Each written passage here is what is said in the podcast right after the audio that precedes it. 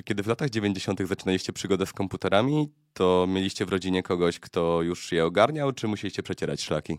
Ja musiałem przecierać, ale miałem duże szczęście, e, że na osiedlu, w którym mieszkałem, był taki jeden bardzo bogaty dzieciak, e, z którym grałem często w piłkę. No jakoś tak to naturalnie. e, No i miał starszego brata, i ten starszy brat miał komputer w tamtym czasie. To był jakiś, wiecie, jeszcze DOS, te czasy Duma, Warcrafta, dwójki e, i tak dalej, komandosów. No i tak wsiąkłem bardzo szybko. To u mnie było też bardzo podobnie. Mm, Też przecierałem szlaki, ale nawet nie miałem kolegi starszego, który mógłby mi pomóc. A twój pierwszy komputer i taka styczność w ogóle, gdzie może wtedy się zaczęło całe to uzależnienie, to było jak moja siostra dostała komputer do nauki. On nie był do nauki, on był dla mnie. E, No ja na szczęście miałem wujka, który pracował już w wydziale IT w MPK, więc na przykład mógł mi pomóc właśnie z reinstalacją Windowsa, ale wiem, że właśnie nie każdy miał to szczęście i w dzisiejszym odcinku porozmawiamy o tym, czy Oskar, nasz dzisiejszy gość, może być właśnie takim wujkiem.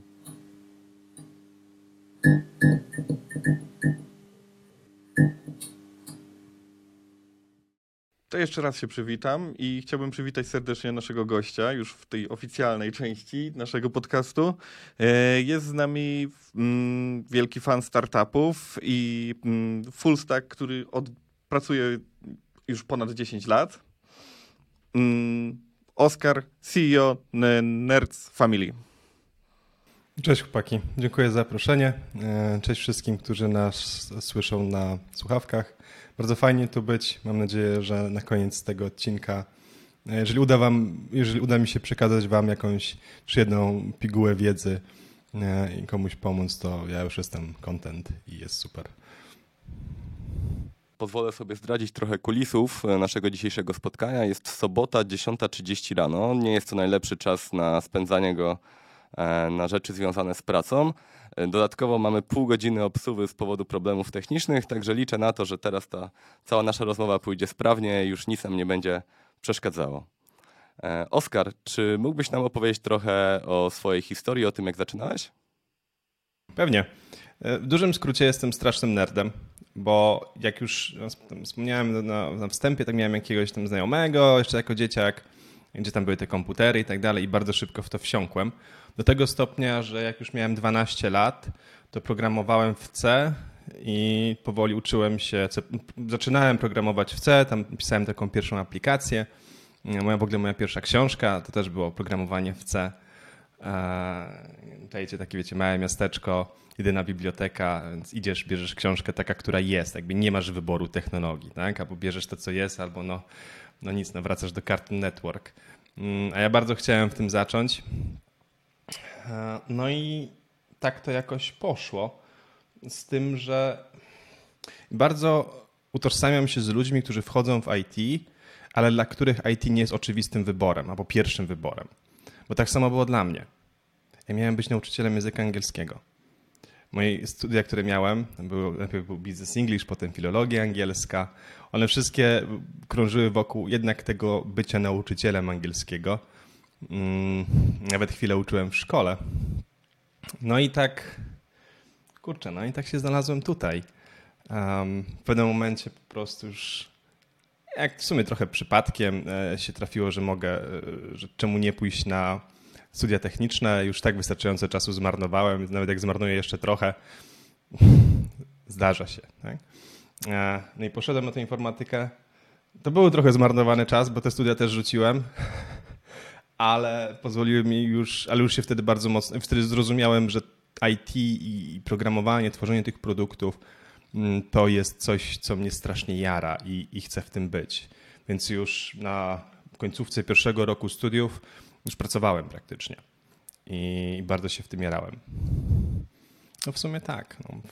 Od następnych 10 lat to już właśnie tworzę te, te produkty. Pracowałem chyba w każdym możliwym setupie, od Big Corpo, banków, po bardzo małe firmy, y, gdzie jest nawet nie wiem, z 5-8 osób. No, dużo tego było. A co ci nie podpasowało w studiach? Wiesz, e, były bardzo przeterminowane. A ja wiedziałem już, już na tamtym etapie wiedziałem mniej więcej jakim chcę iść kierunku. I studia bardzo mi w tym przeszkadzały. Szczególnie, że nie była to jakaś super uczelnia, e, taka, która też. Nie był to też ekosystem, który był warty utrzymania, bo to były studia zaoczne. I rachunek zysku i strat. Mm, wolałem już w tym momencie po prostu się skupić na programowaniu, na pracy, aniżeli na słuchaniu. Słuchajcie, to były takie czasy, gdzie ja na, na, na wykładach miałem takiego laptopa już z Core 2 Duo, nie wiem, czy pamiętacie takie procesory. Jasne. No, super, no. I, w tam, i pamiętam na, na, wykładzie e, profesor mówi, że no w teraz, w dzisiejszych czasach te procesory 500 MHz, taki dziadziu, dziadziu z, e, chyba jeszcze z Rosji czy z Ukrainy, mm, 500 MHz to szczyt osiągnięcia. Okej. Okay. Po prostu no, wszystko też strasznie zacofane. Mm, już wtedy też pracowałem w tym IT, więc widziałem jak to wygląda, jakim tempie to idzie, o co w tym chodzi. No i prosta decyzja. Doskonale pamiętam, kiedy chodziłem do technikum informatycznego, to miałem taki przedmiot urządzenia technologii komputerowej. I w 2009 roku uczyliśmy się na tym przedmiocie o kartach graficznych podpinanych przez port ISA. Także technologia mocno chyba z takich 90sów, nie z 90sów, nie, z 80sów. Także doskonale rozumiem ten ból. To znam taką jeszcze anegdotę właśnie, że mój wujek, który studiował też mm, tak naprawdę tutaj w, w Łodzi nawet na uniwersytecie mm, informatykę, to na pierwszych zajęciach yy, przerysowywał sobie do zeszytu klawiaturę, bo wtedy jeszcze nikt praktycznie nie miał klawiatury w domu, więc to było pierwsze zajęcie. O kurde. E, czasem się cieszę, że nie jesteśmy aż tak starzy. Pamiętacie te takie duże, chyba, to tak, chyba nazywało się dziewięciocalowe dyskietki, takie potężne, czarne? To były 5,25 cala. O. Tak, pamiętam. I chyba 1,20 mega się mieściło na to. A ile w cudny gier na tym było? Kiedyś próbowałem sobie goblinsy zgrać na te dyskietki i pamiętam, że próbowałem to zrobić tak bardzo na oślep i absolutnie mi się nie udało. O, e, follow-up question. E, jaka jest wasza ulubiona gra z 90 Ale trudne pytanie teraz zadałeś. Mm. nie ma łatwo. Kurczę, e, najwięcej, cza najwięcej czasu chyba spędziłem jednak przy Championship Managerze i ciężko powiedzieć, że to z 90 ale mój pierwszy był 0001, więc sobie tak naciągam i go chyba zaliczam. Pewnie. Mm, a mi się wydaje, że ja byłem mm, chyba naj, najwięcej czasu w, mm, w, młodości na grze spędziłem na SimCity, tych pierwszych wersjach. No dobra, Oskar, a ty? Baldur's Gate. No to nie jest chyba 90 gra, to też jest tak 0001 Tysiąc... No nie, 1999. Ja zmieniam zdanie. Zmieniam zdanie, jeżeli chodzi o moją grę. Heroes of Might and Magic 3.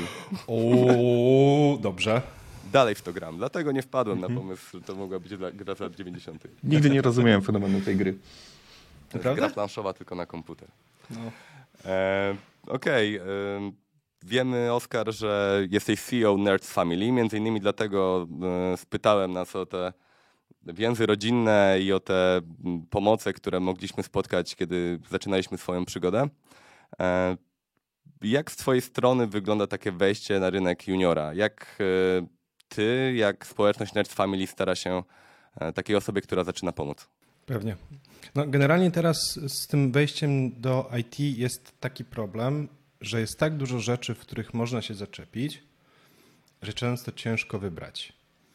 A IT samo w sobie jest strasznie skomplikowane, znaczy rozbudowane. Tak? Szczególnie pod możliwymi ścieżkami kariery, technologii. Każda technologia też wiąże się troszeczkę z innym, najczęściej z innym środowiskiem pracy, z trochę inną specyfiką projektów, problemów, jakie będziemy rozwiązywać. No i często gęsto właśnie ci ludzie, którzy wchodzą w IT nie mają o tym zielonego pojęcia.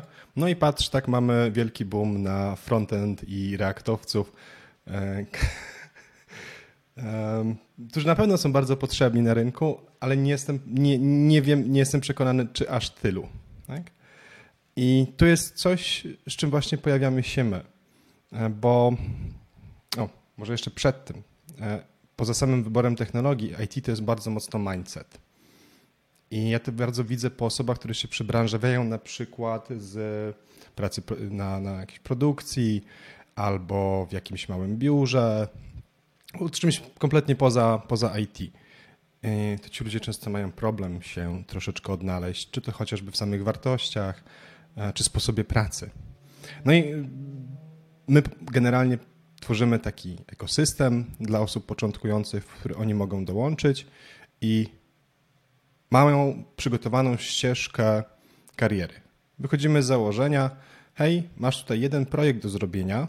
W czasie robienia tego projektu nauczysz się wszystkiego, tylko jest jeden haczyk. Chcemy Cię przygotować bardzo dobrze do wszystkich wyzwań, jakie będziesz mieć w pracy. Utrzymujemy to wszystko bardzo zbliżone do tego, właśnie jak ten junior będzie pracować. Ale to samo wymaga od tego juniora trochę poświęcenia e, temu uwagi i czasu. Myślę, że no, to nie jest takie proste. Tak? Jest proste, ale wymaga czasu. A często gęsto jest tak, że ludzie jednak oczekują, że a, rzucę pieniędzmi w problem, trzy miesiące i będę deweloperem. No, czasami może to się udać, trochę zależy też od człowieka, ale najczęściej nie jest. Najczęściej kończymy po prostu z jakimś długiem tak? albo kredytem. Brzmi jak ja w grudniu zeszłego roku. Stwierdziłem, że chcę być e, JavaScript React developerem i że a, w pół roku sobie to wszystko opędzluję i co? Jestem dalej quality, jestem dalej QA-em.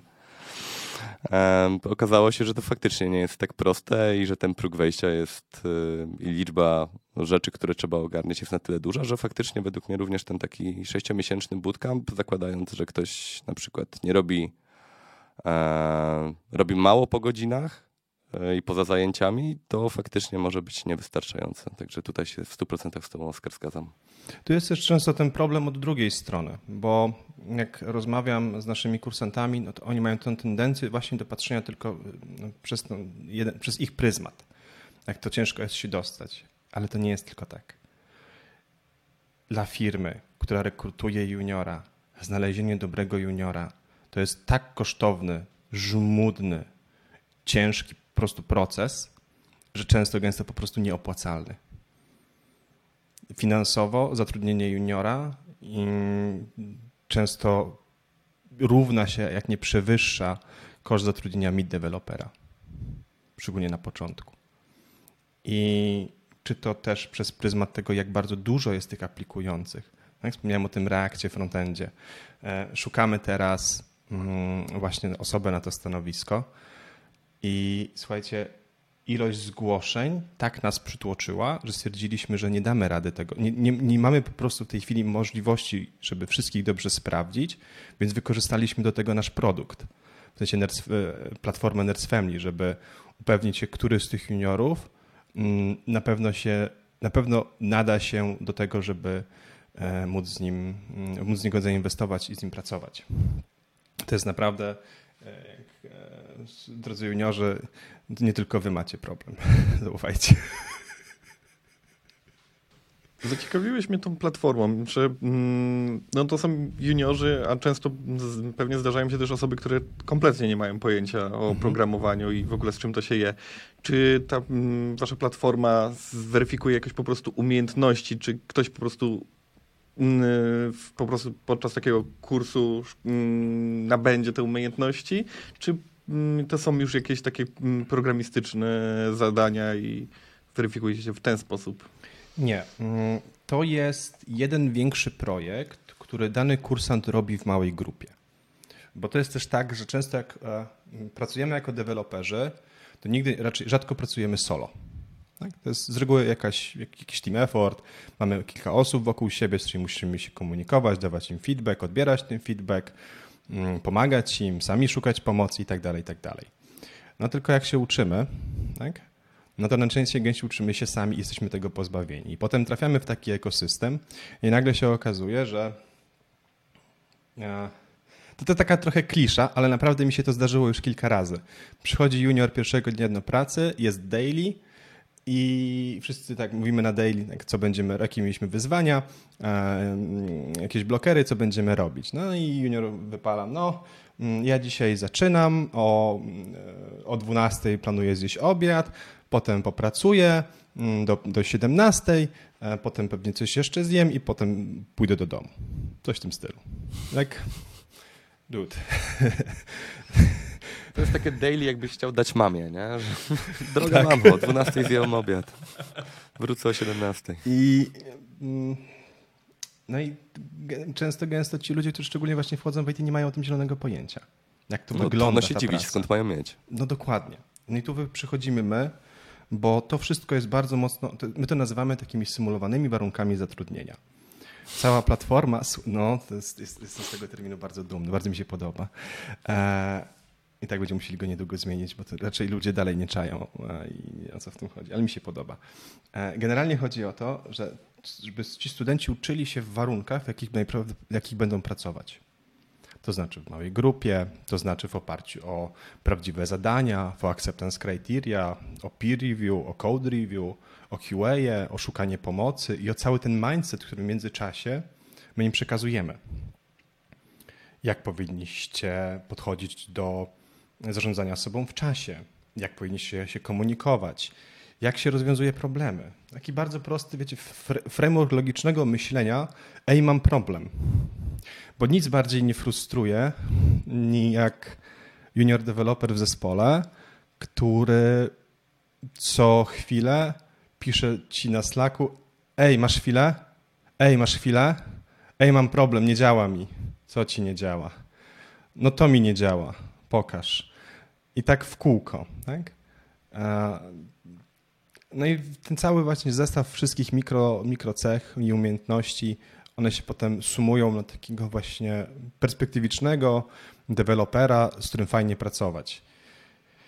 I jestem bardzo wielkim mm, wyznawcą tak zwanego dogfoodingu, czyli używania jak najbardziej swojej aplikacji, swojego produktu aby dobrze rozumieć problem, jaki chcemy rozwiązać, być własnym użytkownikiem swojego produktu.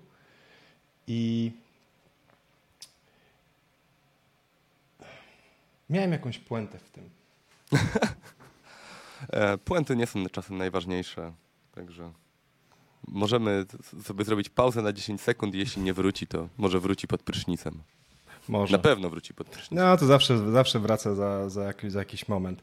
no, ale generalnie wszystko... zawsze są po fakcie. No. Tak, no ale właśnie generalnie wszystko chodzi, że oni się mają uczyć w grupie, mają się uczyć tych wszystkich mindsetowych rzeczy, aby właśnie potem jak wchodzą do, do już prawdziwego zespołu, wiedzieli jak właśnie chodzi ze Scrumem, z tą komunikacją, z ownershipem, um, czy no właśnie chociażby tym dogfoodingiem, tak?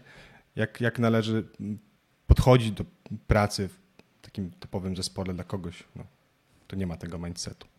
No właśnie, wspomniałeś o tych charakterologicznych cechach. Mhm. Jakbyś miał stworzyć takiego idealnego juniora w swojej wyobraźni, to jakie cechy charakteru by on posiadał według ciebie? Pokorny i głodny. Serio. Głodny wiedzy i tego sukcesu i pokorny w myśl tego, że wiem, jak mało wie. No Bo tak. To jest taki paradoks troszeczkę, że osoby, które najczęściej mało wiedzą w temacie, czują, że wiedzą dużo. Z kolei osoby, które dużo wiedzą w temacie, mają ciągle przeświadczenie, że wiedzą za mało, no bo, bo, bo, są bardziej świadomi tego, jak wiele nie wiedzą. Tak, to jest efekt Dunninga-Krugera tak. i również z gościem w poprzednim tygodniu o nim rozmawialiśmy, więc o. tak, to jest coś, na co chyba się wszyscy łapiemy. Tak. I tak. no właśnie ten cały zestaw mm, no i ten właśnie taki pokorny, głodny. I to się w sumie wszystko sprowadza do tego, że e, dzisiejsi juniorzy mają często ten generalny problem, że wychodzą z założenia, że oni muszą, pracodawca musi wtłoczyć w nich wiedzę. Tak? Że dostałem się do IT, good enough, a teraz już praca mnie nauczy. I stąd właśnie, i to tak, tak niestety nie jest, i to, to nigdy nie działa. Więc taki zestaw cech, jak mógłbym komuś poradzić, nad czym na pewno pracować, to zdecydowanie mm, zdecydowanie ta komunikacja, e, na pewno zarządzanie sobą w czasie, e, też sama umiejętność pracy zdalnej, tak? czy rozwiąz- szukanie pomocy, rozwiązywanie problemów, praca w grupie. Jak ten, ten mindset, że jeżeli pracujemy w grupie, ja jestem odpowiedzialny za sukces mojego kolegi. Jeżeli on ma problem, to moją naturalną odpowiedzialnością jest mu pomóc i szukać tych mm, momentów do, do pomocy. Ale tak to wszystko, ten zestaw idealnych cech, jak mógłbym wrzucić do jednego wora o nazwie perspektywiczność, to wystarczy. Tak, jest... Mogliśmy zamknąć tę rozmowę w sumie jednym słowem, nie? Że tak. junior musi być perspektywiczny. Tak, no ale to się wszystko właśnie sprowadza, drodzy juniorzy, do tego, że musicie zrozumieć, że wy jesteście w pracy po to, żeby produkować wynik, tak? dawać jakąś wartość temu klientowi końcowemu. To jest bardzo prosty deal. Wy poświęcacie swój czas, e, wkładacie w to serce, a ktoś wam za to daje pieniądze. Tylko nie możecie się nigdy ograniczać do tego, że to już jest koniec. To jest początek. To znaczy, po pracy uczę się rzeczy, które będą mi potrzebne następnego dnia, które mam okazję sprawdzić, zweryfikować, poprosić kogoś o pomoc w tym, czego nie rozumiem, ale codziennie iść do przodu. I mając taki sposób myślenia, wchodząc w IT z takim poziomem myślenia, naprawdę jest, jest, jest dobrze człowiek. Mm, tak właśnie mm, sobie pomyślałem, że często ludzie, którzy zaczynają mm, na przykład uczyć się programowania w domowym zaciszu, korzystając z jakichś kursów, które są dostępne online, zaczynają nabywać złych nawyków. Czy macie i jakie macie mechanizmy, żeby jakby właśnie nie nabywać tych złych nawyków, które może ktoś się nabawić ucząc się sam? Bardzo dużo feedbacku. Bardzo, bardzo dużo feedbacku. Po prostu. Mm, bo to, to nie jest tak, że ktoś robi to specjalnie, prawda? Się wszyscy z tym zgodzimy. On uważa, że tak jest ok. I to jest bardzo częsty problem, szczególnie ludzi, którzy wchodzą z innych branż, gdzie jest inny mindset. Typu, e, ja nie będę pytać publicznie, bo pomyślą, że jestem debil, albo. Mm, nie no, jak mam problem, to będę siedzieć i go kisić, tak? Dużo jest jakichś takich specyficznych naleciałości, które wokół tego są. I najprostszym sposobem jest po prostu szukanie dużej ilości feedbacku. Bo to też jest tak, że to jest nie tylko też do juniorów deweloperów, ale generalnie my deweloperzy jesteśmy troszeczkę rozpieszczeni tym, że często gęsto w miejscach pracy, w których jesteśmy, szczególnie, że nas ciężko i, i, i trudno jest zrekrutować, no to pracodawca o to wszystko dba tak? I, I, ma tą kulturę feedbacku, czy najczęściej są te one-on-one albo jakieś to 3-4 miesiące jest coś takiego. Mm, tylko też często gęsto tego nie ma. I to nie znaczy, że to tego nie może być. Tak? My jesteśmy wtedy odpowiedzialni za zebranie sobie tego feedbacku. Więc e, generalnie jest tak, że po każdym zadaniu student zapoznaje się z naszym rozwiązaniem, gdzie uczymy go, pokazujemy mu, mm, dlaczego pewne rzeczy zostały zrobione tak, a nie inaczej. Dajemy mu dużo kontekstu e, oraz przemycamy właśnie takie drobne mindsetowe rzeczy. Też sama, sam sposób pracy z materiałem wymusza mm, no jednak mm, bycie wystawionym na ten feedback. I, no i to działa. Trochę, trochę mi się też wydaje, że to jest problem, mm, który gdzieś tam się zaczyna w szkołach, że w, mm, obecnie u nas, przynajmniej w polskich szkołach, jest tak, że my jesteśmy oceniani, ale nie mamy feedbacku za bardzo. Nie ma informacji, że mm, to można by było poprawić w taki sposób, tylko po prostu dostajesz jedynka, koniec. Resztę domyślcie sam. Tak, ja jestem na przykład też osobą, która bardzo potrzebuje feedbacku.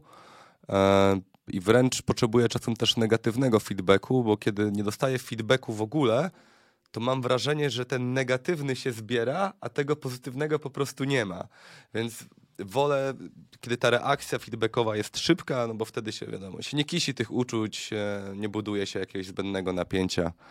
E, karta jest na stole. Okej, okay, a teraz hipotetyczna sytuacja, Oskar. Mm, mamy dewelopera, mm, który jest juniorem, doskonale sobie poradził przy zadaniu w Nerds Family, może wypłynąć na szerokie wody świata IT.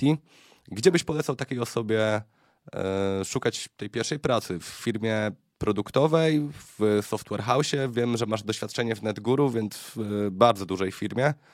E, gdybyś miał tak polecić od serca komuś przy piwie, przy barze, e, co zrobić, to, to co by to było? Mhm. Pewnie. Mm, wiesz, z tym NetGuru to też jest taki mały disclaimer. Ja byłem, jakby dołączałem do NetGuru chyba jako 30 któryś pracownik. Odchodziłem chyba jakoś setny, nie wiem, też któryś. Um, więc to NetGuru, które ja jeszcze pamiętam, to jest to takie NetGuru, które um, nie było jeszcze na tyle duże, aby um, po prostu wszystko łatwo, wszystko sprawniej można było zrobić. Nie wiem teraz, jak to tam u chłopaków wygląda. Mm, no ale generalnie, odpowiadając na Twoje pytanie, wydaje mi się, że to bardzo mocno, uważam, że to bardzo mocno zależy od tego, na jakiego juniora trafimy, jaki on ma zestaw cech charakteru i co lubi, jak on siebie widzi w tym IT. Bo naturalną koleją rzeczy z reguły, tutaj podkreślam, generalizuję. W Software House um, uważam, że szczególnie na początku to może być najlepszy, najlepszy pomysł, żeby do takiego Software House'u wejść. Dlaczego? Bo jest wystawienie na bardzo mnogą ilość problemów, jest zawsze ten, z reguły w software house'ach jest ten mindset e, takiej technologii, mm, też setupu tego środowiska, tak żeby wiele deweloperów było w stanie pracować, no, było w stanie poruszać się między różnymi projektami. Mm, jest możliwość wybierania tego staka, no i on się zmienia, tak? Więc Jure najpierw trochę porobi na takiej basce, trochę porobi w takim, takiej architekturze, w trochę takiej. Super, bardzo otrzaskany. Tak? E, do, kontrą do tego jest na przykład firma produktowa. E, tam też będzie trochę inny nacisk. E, bo jak już z reguły, jak już robimy swój produkt własny, no to tam z reguły tempo też może być trochę inne. E, inaczej się pracuje, jak jesteś oddelegowany do klienta, inaczej, jeżeli nie ma tego klienta, znaczy klient jest wewnątrz firmy. Tak? Czy, czy duże korpo. Generalnie będzie tak, że jeżeli chcemy się dużo nauczyć, to bardzo bym polecał software house'y. Na późniejszy trochę etap drogi polecałbym mm, software house'y albo korpo. Czekajcie, na, na początek. Software house'y albo korpo. Dlaczego? Bo w korpo będzie bardzo łatwo mm, jeszcze też zależy jakie, to też trzeba mieć świadomość tego, że korpo korpo nierówne. Są z reguły bardzo duże firmy, mają swoją wewnętrzne struktury, różne projekty i, i tak dalej, i tak dalej. Ale generalnie chodzi o to, że w korpo, mm, szczególnie na początku, ten deweloper szczególnie na początku nie będzie dużo produkować w wyniku będzie najczęściej też obciążeniem dla zespołu. I ten, z reguły jest tak, że właśnie w takiej większej firmie ten, ten ciężar jest, się znacznie, łat, ró, znacznie równiej układa na zespole e, czy na firmie i, no i możesz generalnie pracować w troszeczkę spokojniejszym, albo uczyć się trochę spokojniejszej atmosferze. Tak? Większym, większym trochę chillu. Nikt cię, ktoś cię może nie cisnąć, e, albo ktoś też może się tym jakoś specjalnie nie przejmować. Więc dla kogoś, kto takie coś by sobie cenił, no to może być spoko. Tak? Um, trzeba też tylko wiedzieć, że software house i juniorzy to nie zawsze tak łatwo gra. Bo widzimy też to po swoich klientach, że oni często gęsto nie do końca wiedzą, jak tych juniorów sprzedać do klienta. Jak to poukładać, jak to zrobić, żeby ten junior mógł wejść na projekt.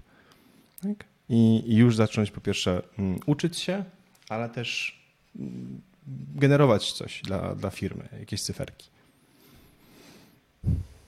No tak, no tak, masz rację. E, wspominałem mm, kilka minut temu, że byłem uczestnikiem bootcampu. E, jestem też po drugiej stronie tego, jestem też lektorem na bootcampie i kiedy rozmawiam właśnie z przyszłymi testerami oprogramowania w moim przypadku, to myślę, że po takich trzech zdaniach, często z osobą, która kandyduje na juniora przypadkiem, na pewno w przypadku testera oprogramowania, jest się w stanie określić, czy tej osobie pewnie będzie z jakimś dużą dozą prawdopodobieństwa bardziej odpowiadało w software house. Na przykład mi bardziej odpowiada praca w software house, bo się właśnie dużo dzieje i jest dużo wątków. E, czy też e, komuś będzie bardziej odpowiadała ta praca w firmie produktowej, gdzie będzie sobie spokojnie dłubał e, jakąś jedną rzecz. Pracował też często w waterfallu niestety, bo pracowałem kiedyś w firmie produktowej, gdzie mieliśmy takiego waterfalla, tylko przypudrowanego skramem, tak sobie trochę udawaliśmy, że to jest że to jest e, jakaś metodyka zwinna. Także ja się z tobą zgadzam, Oskar, i ze wszystkim tym, co powiedziałeś. Dzięki. Mówisz, że na, tych waszych stawiacie dużo na grupy, żeby praca w grupie i tak dalej. To mm, powiedz mi, jak to było w trakcie lockdownu, pandemii, mm, kiedy właśnie nie można było się spotykać? Jak sobie radziło Nerds Family? Mm. Nerds Family jeszcze wtedy nie do końca nazywało się nawet Nerds Family, bo w sumie Nerds Family powstało jako wynik. Inaczej, dobra. E, w tamtym czasie, e, w czasie pandemii, no, miałem trochę właśnie, jak wszyscy, czasu. No i tak e, chciałem w końcu zrealizować swoją potrzebę popchnięcia tego, po prostu pouczenia kogoś, pobycia tym mentorem, na, uczenie kogoś zawsze sprawia mi kupę frajdy. No i rzuciłem posta na jakimś, jakim, jakimś forum, nie forum, na naszym forum, tym Ruby on Race. I bardzo szybko zebrałem grupę, kilku, nie wiem, siedmiu, ośmiu osób, gdzie spotykaliśmy się dwa razy w tygodniu na, na, na jakimś kolu i sobie gadaliśmy o, właśnie przypisywaliśmy różne zadania, robiliśmy sobie code review i tak dalej, i tak dalej. To się naturalnie potem przerodziło w Nerds Family w myśl tego, że okej, okay, widzę, że mi to fajnie działa, te kolejne grupy są, wszystkie osoby znajdują mm, pracę, radzą sobie bardzo fajnie, feedback jest mega spoko, no to dobra, to jak to teraz mogę zrobić, żeby pomóc jeszcze większej liczbie osób? No i tak powstało Nerds Family. I więc właśnie w tych czasach tej, tej, tej pandemii my bardzo dużo robiliśmy online. Po prostu. Mm. I też przez to, że w tamtym czasie już pracowałem mocno w takiej firmie, która szczyciła się tym, że tworzy środowisko, tworzy produkt, który pomaga środowiskom remote async. Tak? Do tego stopnia, że przez dwa tygodnie mieliśmy zakaz korzystania z maila, e, Slacka, Coli i czegokolwiek. Tak? Mieliśmy być w pełni remote async i korzystać wyłącznie z, e, komunikować się wyłącznie na podstawie własnego produktu i dokumentów, które tworzymy w tym produkcie. Mm. No i to, to samo to doświadczenie pokazało mi, że no okej, okay, e, jest pandemia, jest problem, nie możemy się spotkać na żywo, no ale to nie znaczy, że nie ma co robić. Tak. Z mojej perspektywy, w przypadku takich klasycznych bootcampów e, przy covid był ten problem, że przynajmniej w mojej opinii, jakość takiego nauczania zdalnego, kiedy mamy taką formułę, że mamy lektora i wykład i, i słuchaczy tego wykładu, no jest dużo gorszy niż jednak taka lokalna. Nie? W przypadku tego, o czym ty mówisz, Oskar, w Nerds Family, e, czyli takiej, jak to była, symulacja środowiska pracy? symulowane warunki zatrudnienia. Symulowanych warunków zatrudnienia, to ma faktycznie sens, no bo w życiu codziennym też się tak pracuje. Tak pracujemy w Ragnarsonie. Pracujemy zdalnie, pracujemy też często asynchronicznie. Bałem się, że kiedy zaczniesz mówić o tym właśnie, że pracowaliście w firmie, która wspierała asynchroniczność, że się komunikowaliście mailowo. No nie, maile właśnie były zakazane też. O, nie. Bo no, ideą tego też było, żebyśmy zobaczyli, jak bardzo nasz produkt rozwiązuje problem. Żeby odczuć to wręcz trochę przekoloryzowane, te problemy, które my chcemy rozwiązać, odczuć nawet trochę przekoloryzowane i zobaczyć, jak dobrze nam sobie z tym pójdzie jako organizacja. Make sense. To jest trochę ten przypadek, e, kiedy grasz w grę i widzisz, że ktoś na przykład no, nie był w tym miejscu, bo jest nieprzetestowana i nie działa. No tutaj e, tak. walczycie z tym, żeby tak nie było. Tak. Mm, wspomniałeś przed chwilą przy swojej wypowiedzi o forum Ruby on, Ruby on Rails. Mhm. E, a też y, jesteś mm, tutaj powiązany mocno z miłośnicy Robi. Mhm. Mm, może tak. coś nam opowiesz? Ja tak. nie wiem nic o miłośnikach Ruby, więc chętnie posłucham. Pewnie. E, generalnie no, idea była taka, że Ruby to jest świetna społeczność. Ja wam tego też w intro nie wspominałem, ale Ruby to nie był mój pierwszy język. Ja wcześniej byłem frontendem, PHP, trochę w Javie pracowałem. I, no i generalnie wszedłem w to Ruby dlatego, bo po pierwsze to jest piękny język, ma świetną składnię, super się w nim pisze. Po drugie, ale... było w bibliotece? Nie, nie, nie. Ja w tamtym momencie, ja pamiętam do tej pory, ja pamiętam do tej pory dokładnie ten wieczór, w którym stwierdziłem, dole PHP, ja chcę coś innego, chcę więcej od życia. I miałem wtedy taki bardzo duży problem i kryzys właśnie wtedy z PHP i pamiętam do tej pory, że chyba o trzeciej w nocy zacząłem szukać, dobra, jaki język mógłbym, mógłbym robić, jaki jest fajny i tak znalazłem Ruby. No to jest klasyczna mm. myśl na trzecią w nocy. Naprawdę. E, ja jak, jak wchodziłem w IT, ja byłem tak bardzo w tym przesiąknięty i tak bardzo to, to lubiłem, że no, naprawdę przez pierwsze chyba trzy albo cztery lata robiłem po dwa albo trzy, no, dwa etaty. Mm, robiłem jeden e, pełen etat, a potem wracałem od razu do domu, chwilka na konsoli, kawka, kapciuszki i lecimy robić WordPressy czy jakieś inne fuszki, inne rzeczy, e, jakieś tam part-time. E, no, bardzo mile to wspominam. No ale generalnie właśnie z tym, z tym Rubim, to była taka świetna społeczność mm, i tak dalej, że jak już w tym trochę języku siedzę, to brakowało mi po prostu takiego miejsca, które byłoby trochę bardziej zadbane, które ktoś, którym ktoś by się przejmował, bo no, kurczę, ja pamiętam to forum jeszcze z czasów, jak był ten boom na Rubiego i ono tam bardzo fajnie żyło. I teraz jak widzę, że wiele postów to są reklamy Viagry, jest mi po prostu smutno na serduszku. Strasznie. No i chciałem coś z tym zmienić. Mm, a że w takim chociażby Pythonie takich inicjatyw jak Miłośnicy Ruby są dwie, a my mamy zero, myślałem, kurde, no czemu nie? E, tak jak miałbym bardzo dużo czasu do zagospodarowania, nie mam wcale. E, no dobra, no. Kiedy jak nie teraz? E, no i tak powstali Miłośnicy Ruby. No i generalnie ideą tego jest to, że chcemy przybliżyć dwutorowo. Chcemy najpierw pokazać, chcemy pokazać ludziom, którzy wchodzą w IT, że React, Race, React, JS, e, Python, OK, można też inaczej. Są inne języki, które też są, są mega świetne, w których też łatwo znaleźć bardzo pracę, które nie są martwe. E, tak? E, I no i pomóc im po prostu. Tak? Zmniejszyć im ten próg wejścia w to wszystko, czy to materiałami, czy społecznością, w której mogą być i mają jakikolwiek problem, mogą wrzucić właśnie, po prostu odezwać się na Discordzie i dostać pomoc od razu. Wspomniałeś o martwych językach. E, domyślam się, że meetupów Ruby jest więcej niż meetupów Kobola, ale czy są jakieś takie, które mógłbyś szczególnie polecić? E, nasz, nasze meetupy miłośników Ruby zapraszam. Tak, tak myślałem, nie śmiałem wątpić. E, dziękuję. Bardzo proszę. Cieszę się, że mogłem pomóc. E, ale tak, powoli wychodzimy też z takiego założenia, że te, te, te, nasze rugi, Ruby User Grupy, one są zawsze organizowane oddolnie, co jest piękne. To jest naprawdę mm, super, że są ludzie, którzy w wolnym czasie poświęcają swój czas, żeby organizować coś dla społeczności, z czego nie mają nic. No Trochę jak osiedlowe kółka różańcowe, nie? Tak, coś tam, ty, to jest...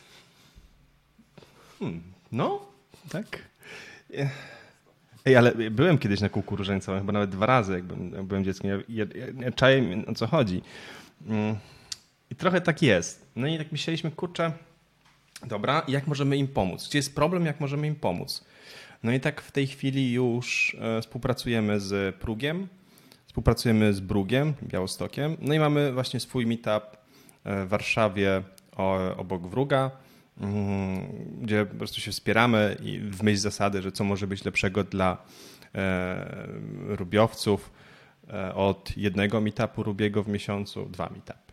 Tak? No tak. I, No i, i, nam to fajnie działa. Tak? Mamy dość, zawsze ta frekwencja na tych, na tych meetupach.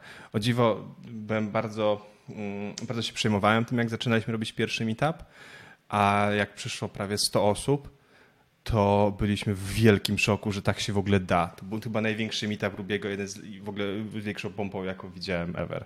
I to mamy kupę zdjęć z tego, które, które udowadniają moje słowa. E, trzeba było dodzwaniać po pizzę? E, nie. O, oj, słuchajcie, mam z tym świetną anegdotę. Dawaj. Organizujesz meetup, tak? Jesteś mną i nie organizowałeś wcześniej meetupu, ale chcesz to zrobić dobrze. No i co jest dobrego? To było jeszcze chyba 6, 26 chyba czerwiec, czy lipiec, więc też fajnie ciepło. Super setting. To co możemy zrobić? No pizza, piwko. Piwko, ale to biuro, które mamy w Warszawie, to jest biuro na Mokotowie. To są takie, jest taka mm, mała willa mm, w takim, mm, osi- z, z, takim osiedlu domków, właśnie takich willowych. Więc generalnie tam jest duży ogród. Tam jest ogród, garaż. e, znaczy garaż, ogród z garażem, e, jakimiś tam jabłonkami i tak dalej. Postawiliśmy grilla. Nie chcę, nie chcę rozciągać historii, no ale generalnie piękny setting, zrobiliśmy grilla. I no jesteś mną, ogarniacie, no to co potrzebujecie na grill? No to piwo, jakieś tam kiełbachy, mięcho, wszystko mamy super. Jest już meetup, ludzie są, powoli się robią głodni, trzeba zacząć e, ogarniać żarcie i nagle mamy takie ty. Ale kto to mięso zrobi? Co? Ja? Znaczy ja mogę, ale jakby mm, miałem też inną rolę. Tak? To był pierwszy meetup, bardzo mi zależało, żeby być frontem do, do ludzi, każdego poznać, z każdym chociaż chwilę zamienić. Siedząc przy samym grillu, no niekoniecznie. Nie tak kminimy, kminimy, ale słuchajcie, problem nagle rozwiązał się magicznie sam bo wychodzimy, wychodzimy mm, ze współorganizatorem e, Mariuszem Koziem z Visuality, którego w ogóle serdecznie pozdrawiam. Cześć Mariusz. E, wychodzimy z, z, z, tego, z tej sali, patrzymy na grilla, a on się już robi. Patrzymy, ty. Rozumiem, że któryś z uczestników wziął sprawę w swoje ręce. Poczekaj, to już, już, już, już jest puenta. Przewijamy czas o, nie wiem, 6 godzin i, nie wiem, 5 piw do przodu. Siedzę, e, przy, przy, siedzę sobie z boku z kolegą, e, jednym właśnie organizatorem na Białystok, e, Sarinem, tylko też pozdrawiam. I siedzimy i tak Sarin do mnie, ty, ten ziomek od grilla, on jest od ciebie? Ja tak, nie, no od Mariusza. A Sarin, ty, ale gadałem z Mariuszem. Mariusz mówi, że on jest od ciebie. A tak, hmm, o co chodzi? Okazało się, że był na meetupie ziomeczek, który w ogóle nie ma nic wspólnego z Rubim. E, on się w sumie na jakimś meetupie, meetup.com chyba o nas dowiedział, że mamy coś taki event i będzie grill, a że on w sumie lubi ogień, to myślał, że przyjdzie i, i pomoże. Czy z tego wywiązała się jakaś dalsza współpraca? Tomka też serdecznie pozdrawiam. To jest dobry, dobry ziomeczek. jest na każdym meetupie. Człowiek od grilla. Tak. Pozdrawiamy wszystkich. Ale naprawdę, Tomek był jednym z wielkich, większych zaskoczeń i bohaterem, na którego żaden z nas nie zasłużył w tamtym momencie, bo nam ściągnął taki duży... Słuchajcie, mieliśmy, nie wiem, chyba z 10 kg karkówki. Słuchajcie, jak robimy te meetupy, to na każdy zawsze jeszcze kupimy e, browarki. No i Mokotów to, to jest taka właśnie dzielnica, gdzie są te domki i tak dalej, no ale też naturalnie jest dość sporo mm, żulików. Bardzo sympatycznych warszawskich żulików, no ale dalej. Mm. I wyobraźcie sobie, że jedziemy do sklepu, mamy taki wózek. E, de facto jest to wózek na wożenie amunicji na strzelnicy, taki większy wózek, cięższy. E, no, i używamy go teraz do browarów no i, i wyobraźcie, jak idziemy przez Mokotów e, z takim wózkiem nawalonym 100 piw, to wszystko strzeszczy. E, przyjeżdżamy i, i, i, żulki autentycznie bramy robią, tak? O matku, słuchajcie, tyle atencji. No, śmiesznie. E, bardzo polecam. Jak, jak, jak, jak, e, jak mm, ktoś nas słucha i, i, chciałby przeżyć trochę zwariowanych przygód, naprawdę e, e call me, zrobimy kolejne meetupy w innych miastach. Zawsze będzie fan, fan zawsze będzie z tego. Jak już jesteśmy w temacie takim około piwnym, czy słyszałeś kiedyś o Balmer Peak? Tak, to działa. Yes! W ogóle Balmer Peak się wzięło od Steve'a Balmera? Z, tak, z tego Microsoftu? Microsoftu. Developers, developers, developers, developers, developers, developers, developers, developers. No właśnie się chciałem spytać, czy to działa, bo ja taki jestem słabo alkoholowy. E, to jest mój początek w IT. Miałem te studia zaoczne i tam bardzo szybko e, skumałem się z paroma ziomeczkami i finalnie przez pierwsze nie wiem, kilka lat naszej, naszych początków w IT szliśmy razem. Wspieraliśmy się, pomagaliśmy się, motywowaliśmy się e, nawzajem. No i to niosło też ze sobą to, że raz na tydzień spotykaliśmy się u jednego, jak wyobraźcie sobie taki, taki, taki, taki, taki piątek, sobota, wieczór kompletnych nerdów. Parę browarków, ale nie za dużo, żeby się nie, e, nie, nie, nie, nie skuć za bardzo. E, I siedzimy i każdy kodzi swoje. Tak? A, to nigdy się, nigdy się nie kończyło tak, jak planowaliśmy, że będzie spokojnie. Zawsze już był pewnie taki moment, w którym po prostu zaczynaliśmy sobie gadać, e, a nie programować, bo to już nie miało sensu. Ale tak. E, nawet do tej pory czasami mam już bardzo mało okazji, żeby sobie poprogramować, ale tak to lubię sobie wziąć 50 jakiejś dobrej łychy, mm, siąść sobie, po, pokodzić. To też fajnie, fajnie mi gra.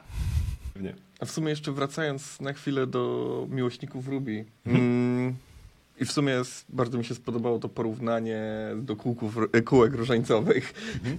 I jak są kółka różańcowe, oni do, tam sobie działają, ale nie integrują się jakby z innymi kółkami różańcowymi, które są gdzieś tam mm, w odległych miastach. Czy takie problemy nie spotykają się też e, właśnie w takich mm, miłośnikach Ruby bądź Trochę w tak. takich grupach? Tak, bo generalnie jest tak, że mm, my, mamy, my wiemy, jak to chcemy robić, mamy swoje know-how, e, też sporo błędów popełniliśmy, też jako Nerds Family y, pakujemy trochę swoich zasobów, żeby to szło do przodu. Mm, no i to czasami się, szczególnie w takich miastach, gdzie organizacja jest rozproszona, tak? Jest wiem, trzech organizatorów i każdy musi się zgodzić, ale każdy nie ma na to czasu i w sumie każdemu mało zależy, no ale nikt jakby tego nie przejmie, tak? No i nagle jest taka trochę sytuacja patowa. Mm. Trudno. Jakby nie, nie, to są problemy, którymi teraz jakoś specjalnie nie, na których się w ogóle specjalnie nie skupiamy. Też nie zależy nam, żeby mieć w każdym mieście meetup.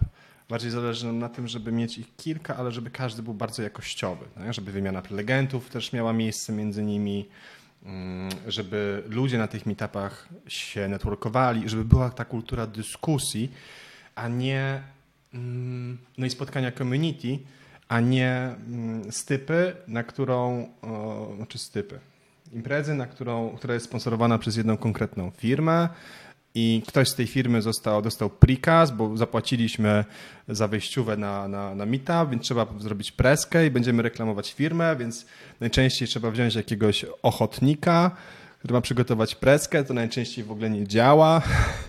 No i tak, wszyscy przychodzą, żeby się, żeby się najeść, chwilę posłuchać, a potem uciekają. Ale tak się nie buduje społeczność. Znaczy, to nie, to nie idzie w parze z budowaniem społeczności, która się zna, um, która żyje. No tak, to prawda. E, jeżeli przychodzisz tam tylko po to, żeby osiągnąć jakiś taki krótkoterminowy sukces, w którym będzie pizza i piwo, no to pewnie to nie będzie e, najfajniejszy człowiek, członek społeczności i najbardziej efektywny członek takiej społeczności. Są? Ale najedzony. Ale najedzony, no tak, tak. To śpiący pewnie będzie. Z pewnością. Śpiący członek społeczności. E, Okej, okay. myślę, że Oskar możemy przejść teraz do tego ostatniego rozdziału naszej rozmowy, a mianowicie do sekcji off-topowej. E, zaczęliśmy już tutaj, przemyciłeś jeden z wątków na początku, pytałeś się o tą 90 grę. E, w 90 y, tak, każdy z nas grał więcej, no bo był młodszy, miał więcej czasu. E, czy teraz, Oskar, dalej kontynuujesz to? Pogrywasz w jakieś gierki? Mhm. Za dużo. Mm. Gry to jest dla mnie jakiś taki sposób, który pozwala mi nie myśleć i się odstresować. I ostatnio, powiem wam, cyberpunkuje aż za mocno.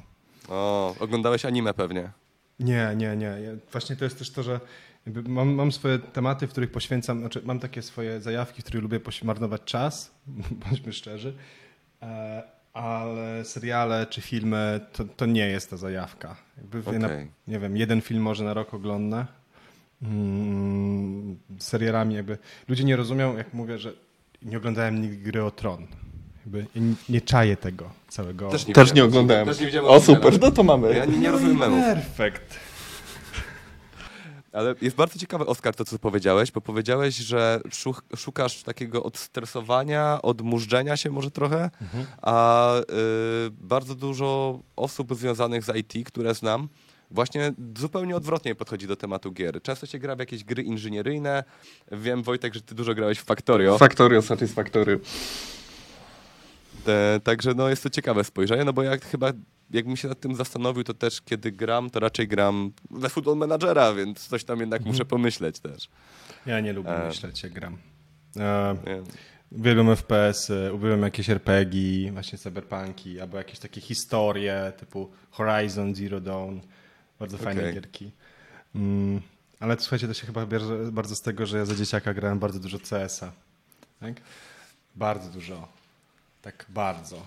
A, no, startowaliśmy. Ja bym siebie nie. jako 32-letnie dziecko i bardzo dużo gram w CS-a też. Mi się przypomniało to, jak ze szkoły wychodziłem i leciało się do najbliższej kafejki internetowej. Tam za dwa złote można było pograć z pół godziny i się cisnęło w CS-a. Tak. Ja tak Diablo 2 też. O ile to ja w kafejce przegrałem Och. Diablo 2 i balruny jakieś. Dobra, no to skoczmy, zrobimy sobie z 3-4 balrunki, wracamy do budy, do szkoły i... Ale po lanie czy po Battle.necie? Nie, Battle.necie, Battle.necie. Bo zawsze był problem z kafejkami internetowymi, z tego co pamiętam. Bałem się logować na jakieś gry online, bo się strasznie cykałem, że ktoś mi Mhm. oskubie konto. Tak, tak. No na szczęście to były takie kafejki, gdzie tam nie, nie mogę zainstalować żadnego keylogera, no to było tak pozabezpieczane, że mm, jakoś to tam szło. Ale... A jakieś MMO grałeś kiedyś? Ojejciu. E, No to które wspominasz najlepiej, a które wspominasz najgorzej? Lineage 2 najlepiej. O! o z Lineage'em mam love-hate relationship. A WoWa trochę próbowałem, ale się odbiłem. Mm, co tam jeszcze takiego było? Na pewno Diablo.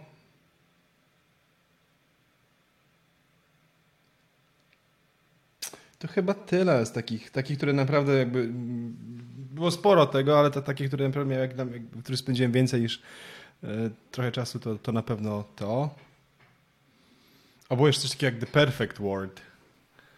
Było, było. Ej, A- było. A to nie był y, producent gier? E, Perfect World to był taki chyba klon trochę WoWa, tam był system dwuklasowości, ja dobrze Tak. pamiętam tego? Tak, No, tak, miałeś... Tak. tak. A w ogóle z Lineage'em dwójką to też mam taki problem, że to jest... Nie mam absolutnie żadnej pewności, czy to się czyta Lineage 2.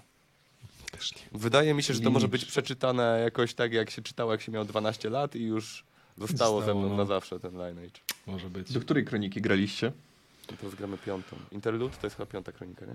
Tak. Ja chyba na tej piątej jakoś gdzieś tak skończyłem. Dobrze pamiętam te C2, C3, C4, C1 też chyba było takie f- ten fajne. I po C4 było właśnie Interlude. I potem było jeszcze, te, wchodziły nowe rasy, jakieś takie dodatkowe. I tak jak wchodziły już te jeszcze nowe rasy, to ja już zahaczałem. od- przestałem. Tak, tak, to ja też. Ja tylko zajrzałem zobaczyć, co tam się dzieje, ale to, to był za duży poże, poże, pożeracz czasu. Tak. Tak, a ja serdecznie polecam wszystkim, którzy słuchają i teraz się ucieszyli. Serwer L2 Etina. jest, jest X-Sprite razy 3. To teraz muszę się zapytać, czy stawialiście swoje serwery? Ja miałem farmę serwerów. Słuchajcie. E, Ja zawsze byłem. e, mm, Moi, jestem z takiej rodziny, gdzie tam może się jakoś specjalnie nie przelewało, ale zawsze było. Nigdy nie było problemu z pieniędzmi. Mm, I normalnie jakby w takim, w takim settingu mm, taki, taki Oskarek byłby bardzo, bardzo mocno os- oskarkowany. I ja tak nie miałem, bo rodzice od samego początku uczyli mnie, chcesz hajs? To zarób. E... Ale po coś to mówiłem? E, serwery prywatne. A, dzięki. No i generalnie, e, generalnie było tak, że zawsze musiałem się łapać jakieś fuszki, tak? Żeby mieć na coś. No i, i słuchajcie, jak grałem w tego CS-a, no to naturalnie było potem, mm, było tak, że też, no byłem, trochę, byłem też nerdem, więc też czaiłem trochę Linuxy i tak dalej. Więc się szybko załapałem do takiej pogodzinowej, poszkolowej fuszki, gdzie prowadziłem em, hosting serwerów gier. Tak? Byłem jednym z adminów hostingu serwerów gier. No i to dawało ten piękny perk. E, Masz maszyny, ile tam tych maszyn chcesz i zawsze sobie jakiś serwerek jeden, dwa gdzieś tam upchniesz. Słuchajcie, pewnym momencie miałem, nie pamiętam tych serwerów, może z 10-15 i to był piękny biznes. To był przepiękny biznes. Słuchajcie, e, jak wychodziło PlayStation 3, mm, nie wiem czy kojarzycie, ono było w takiej trochę atmosferze, że ono było strasznie drogie, tak? To Wyobraźcie sobie, nie wiem, wtedy miałem może 18-19 lat, 19-latka, który idzie do takiego sklepu, wybiera największy telewizor, PS3, kilka gier i, i, i płaci za to z właśnie z takiej sieci. Słuchajcie, to był dla mnie wielki szok. Mm, no, miałem tego sporo. Wyobrażam sobie ten prestiż, jaki był po prostu iść i sobie kupić tak po prostu za własną gotówkę PlayStation. No, teraz może to tak z perspektywy czasu nie, nie, nie mieć takiego wrażenia, słuchajcie, ale jeżeli ja miałem stówę kieszonkowego, 100 zł na cały miesiąc kieszonkowego, a wtedy to PlayStation, nie wiem ile mogło kosztować, 7-8 tysięcy z wszystkim, z tym telewizorem i tak dalej, jak mniej więcej, no to naprawdę to, to, to, to był dla mnie bardzo duży mm, powód do dumy i napędu. Potem tą sieć serwerów sprzedałem to był mój pierwszy startup, na którym zarobiłem. Naprawdę. E, na kanale, na kanale to znowu oni, nie wiem czy kojarzycie taki kanał e, na YouTubie. E, był wywiad z gościem, który zarabiał na tym, że dowodził ludźmi, graczami podczas wojen, jakby gildia na gildię w Tibi i miał taki problem, że no, zarabiał na tym dosyć dużo pieniędzy, no bo jak ktoś na przykład sobie stawiał serwer prywatny, to płacił mu, żeby on przyszedł i pograł na nim, żeby zrobił taką reklamę. No i nagle w wieku tam 16-17 lat zaczął zarabiać więcej niż swoi rodzice. Po prostu na tym graniu w Tibie. No i gościu tam opowiada, że miał właśnie taką metodę, że się absolutnie nie przyznawał starym, że cokolwiek zarabia, bo przecież jakby się dowiedzieli, to by go chyba po pierwsze by go chcieli zabić, że nie chodzi do szkoły, tylko gra i, i, i, i nie chodzi do szkoły, a po drugie by im chyba pękły tyłki, że no, zarabia taką straszne pieniądze jeszcze na grze w Tibie, nie? No to już na Lineage'u, no to, to oczywiście, nie? Na, na Tibi... Czy mieliście też tak, że rodzice wam mówili, że y, nie gra już w ten komputer albo nie rób nic na komputerze, co ci to w życiu da? I teraz jesteśmy w takim momencie, gdzie bez komputerów pewnie życie było zupełnie inaczej ułożone. Kurczę, ja tak chyba nie miałem. E, moi rodzice e, chyba dosyć szybko skumali, że te komputery są czymś, co naprawdę lubię i mnie interesuje, więc ominął mnie ten klasyczny tekst, ale nie ominęło mnie zabieranie kabla od komputera za karę. Oczywiście. Albo jak po nocy się grało za głośno i słuchajcie, no jak grasz tego CS-a, masz 15 lat, mm, hormony ci buzują, no to potrafisz sobie też tam ryknąć czy coś tam, tak? I czasami już potrafiłem w środku nocy jakby cały dom budzić jakimi tam, co ty kurwa robisz? Na B miałeś i cię. O tak, y, Zuzia rozpoznaje, kiedy gram w CS-a, bo jest wtedy paka na B. No i ojciec wpadający do pokoju, wyrywający kabel. Co ty pojebało? W gaciach, jeszcze tylko w samych slipach kotodoru. Już wiesz, o chuj, dobra, stało się. Idziemy spać. Tak, to prawda. Wszystkie te sposoby, nie? Na omijanie pójścia spać. No chłopaki, ja... prądu w domu nie mam. Będę jutro. Mama, tata, nie słuchajcie tego.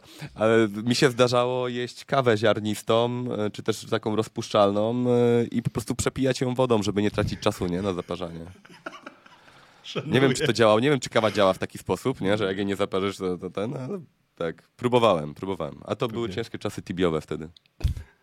No, ja od razu jak mówimy o takich czasach, gdzie, gdzie tak się grało, to od razu mam dźwięk e, łączącego się modemu, te takie... Tak.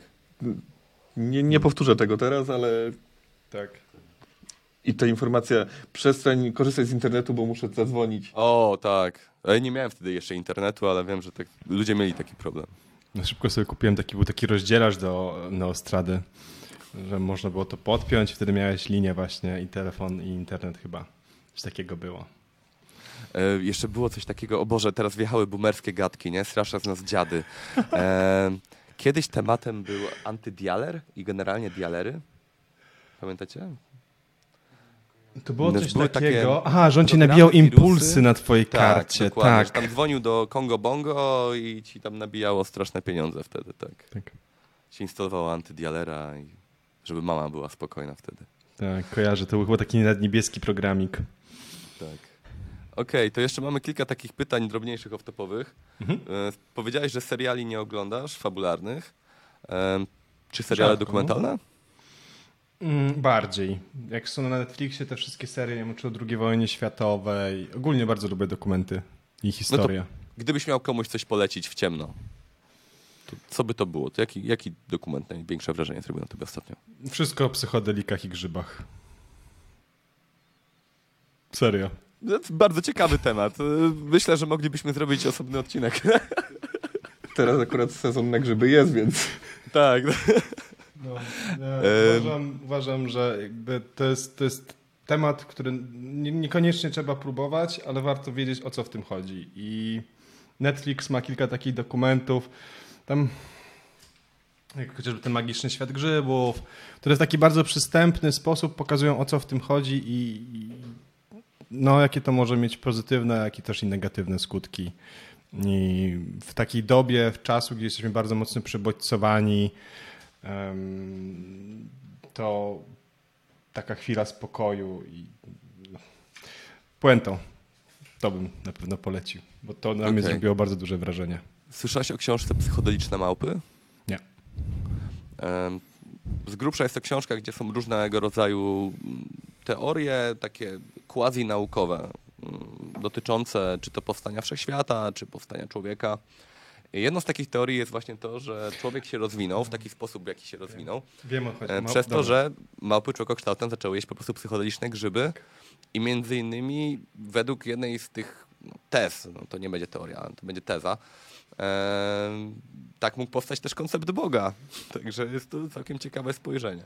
Tak, jest też, e, kojarzę właśnie ten koncept. On jest bardzo fajnie poruszony w jednym z tych e, filmów Netflixa a propos właśnie tego tematu. E, tak, że te grzybki rosły sobie na, na, na krowich plackach, małpki sobie to zjadały i po psychodelikach jest taki efekt, że zmysły się trochę nachodzą. I była teza właśnie wysunięta, że tak powstała też mowa. O. A jakby co, to mamo, my to wiemy tylko z internetu. Oczywiście. Netflix. Tak. jak już mamy takie otwarte głowy na kreatywność, to muszę ci zadać najważniejsze pytanie tego podcastu. O, Jakby nie było komputerów, nie, jakby nie było komputerów i nie mógłbyś robić tego, co robisz, co byś robił? Gotowałbym. Co? Wszystko. Okej. E, Jednym z takich moich biznesów, w które chcę wrzucić hajs i go stracić, mm, to jest restauracja. A myślałeś nad tym jaka? No powiedz coś więcej, ja chętnie posłucham. Mhm. Lubię jeść. Mm, Wiesz co, bardzo chodzi mi za mną taki koncept trochę hospody, gdzie masz albo właśnie dobre piwo, najczęściej mocno sezonowe i bardzo dobre, ale proste żarcie. Mm, Słuchajcie, no takie rzeczy nawet jak fish and chipsy. Słuchajcie, zrobić dobre fish and chipsy jest naprawdę ciężko. E, Zrobić dobrą frytkę. Mm, Ludzie często no, jest też bardzo ciężko, tak? I to jest bardzo czasochłonny proces. No, te frytki często się trzy razy mrozi, dwa razy mrozi. Mm, I, robi, I gotuje się właśnie trzy razy. Mm, Co jeszcze? No takie właśnie spokojne miejsce. Bardzo też za mną chodzi Speak Easy Bar. To są takie bary, które są bardzo nieoczywiste. Um, bardziej nacelowane na takich klientów, którzy nie chcą się nawalić, ale chcą popróbować i poznać różnego rodzaju alkohole. Takie bary też tak zwane ukryte też. No, są, są idei właśnie Speakeasy, która jest z tych czasów prohibicji, mm, gdzie nie można było pić wody w Stanach, więc no, ktoś sobie w domu otwierał w piwnicy bar i taki był taki zamknięty bar. No, te, te bary teraz nie są w piwnicy, to są takie bardziej już trochę lepsze miejsca najczęściej. To jest jedna z tych takich moich zajawek. Słuchajcie, kiedyś nawet e, robiłem kurs barmański. Jest, Umiesz te wszystkie takie triki z podrzucaniem i tak dalej? Mm, Podrzucaniem nie, ale uczyłem się pod okiem jednego z lepszych, najlepszych barmanów w Polsce. Mm, Co jeszcze? Chyba byłem w każdym lepszym barze w Polsce. Mm, To tak jakby świadomie, tak? że specjalnie tam się brałem sobie informacje o nich, jechałem, wiedziałem co chcę mniej więcej sprawdzić. Mam też taki swój set koktajli, które biorę, żeby obczaić sobie, dobra, na jakim poziomie jest ten bar. Wódka z kolą. Nie, nie, nie, nie. Jest kilka takich bardzo Wódka- prostych Wódka koktajli, 50 które... na 50. Jest kilka Tak, takich bardzo, przepraszam, ci przerwaliśmy, tak. pewnie, pewnie. Jest kilka bardzo prostych koktajli, które e, no, w samej definicji są proste, ale zrobienie ich, żeby były dobre, wymaga pewnego pewnej wiedzy o, o, o, o składniku, czy tak zwanym tym prepie, czyli tych, tych takich rzeczach, które się używa do, do przygotowania koktajli, czy samej, samym sposobie pracy za barem. Okej, No i- tak jest twój ulubiony koktajl. Aviation. Mam ich kilka, ale... ale Ale tak to opisz, Aviation- bo ja jako osoba tak słabo pijąca, to To jest koktajl z likierem fiołkowym, trochę kwaśny, delikatnie taki, ma takie tło lekko słodkie i przychodzi, i tak charakterystyka smaku jest taki trochę kwasek, sensie kwaśne, potem jest ten fiołek i na końcu bardzo wchodzi ta delikatna słodycz. Mega, mega fajny. Mm. Co jeszcze takiego mam? Jungle Bird, też jest bardzo fajny koktajl z ananasem. Taki bardziej. No i oczywiście caipirinha. To są też bardzo proste rzeczy. Ale dobra caipirinha na. Nigdy nie mogę tego dobrze wymówić. Ka- kaszasy. Eee, to też jest nie mam sztuka. pojęcia, co są kaszasy. Kaszasa to jest taki alkohol. To jest brazylijska. kas- Kaszasa to jest e, brazylijska woda. A oni to robią z trzciny cukrowej. Ona jest taka bardzo specyficzna w smaku. Mm, No i z tą właśnie całą e, w tej caipirini, gdzie masz ten kruszony lód, masz te limonki z madlowane, będą tak zgniecione z cukrem trzcinowym mm, i tą, tą, tą kaszasą. To jest bardzo prosty koktajl. Ale znaleźć dobrą kaszasę, szczególnie w Europie, poświę- wiedzieć jaka jest dobra, znaleźć ją, sprowadzić, to już jest naprawdę dużo. Tak? Umieć też dobrze zrobić samym lodem, w dobrej kolejności mm, i tak dalej, tak dalej. Są wszystko takie drobne szczegóły, no, na które no, lubię zwracać uwagę. Ogólnie lubię Okej. szczegóły. A twoje popisowe danie? Bardzo lubię robić e, e, dorsza w takim stylu portugalskim. To jest dorsz zapiekany w oliwie z takimi młodymi, e, to się nazywa lagahero. E, To jest też taki bardzo specyficzny dorsz, bo to jest dorsz wcześniej mocno solony, którego trzeba odsolić, To przygotować jest ten tego. suszony taki? Mhm. On coś Jego- też jakoś, okej. To się też Tak. jakoś tak nazywa... A, nie przypomnę sobie, nieważne. Ja to kojarzę właśnie, pod, to jest chyba nawet portugalska nazwa, właśnie lagahero, lagahero, coś takiego to jest. No i generalnie to jest bardzo pyszne danie, bardzo dość proste, no ale żeby dobrze zrobić te ziemniaczki, dobrze to wszystko po, po, porobić, no to tam trzeba trochę się w tym odnaleźć.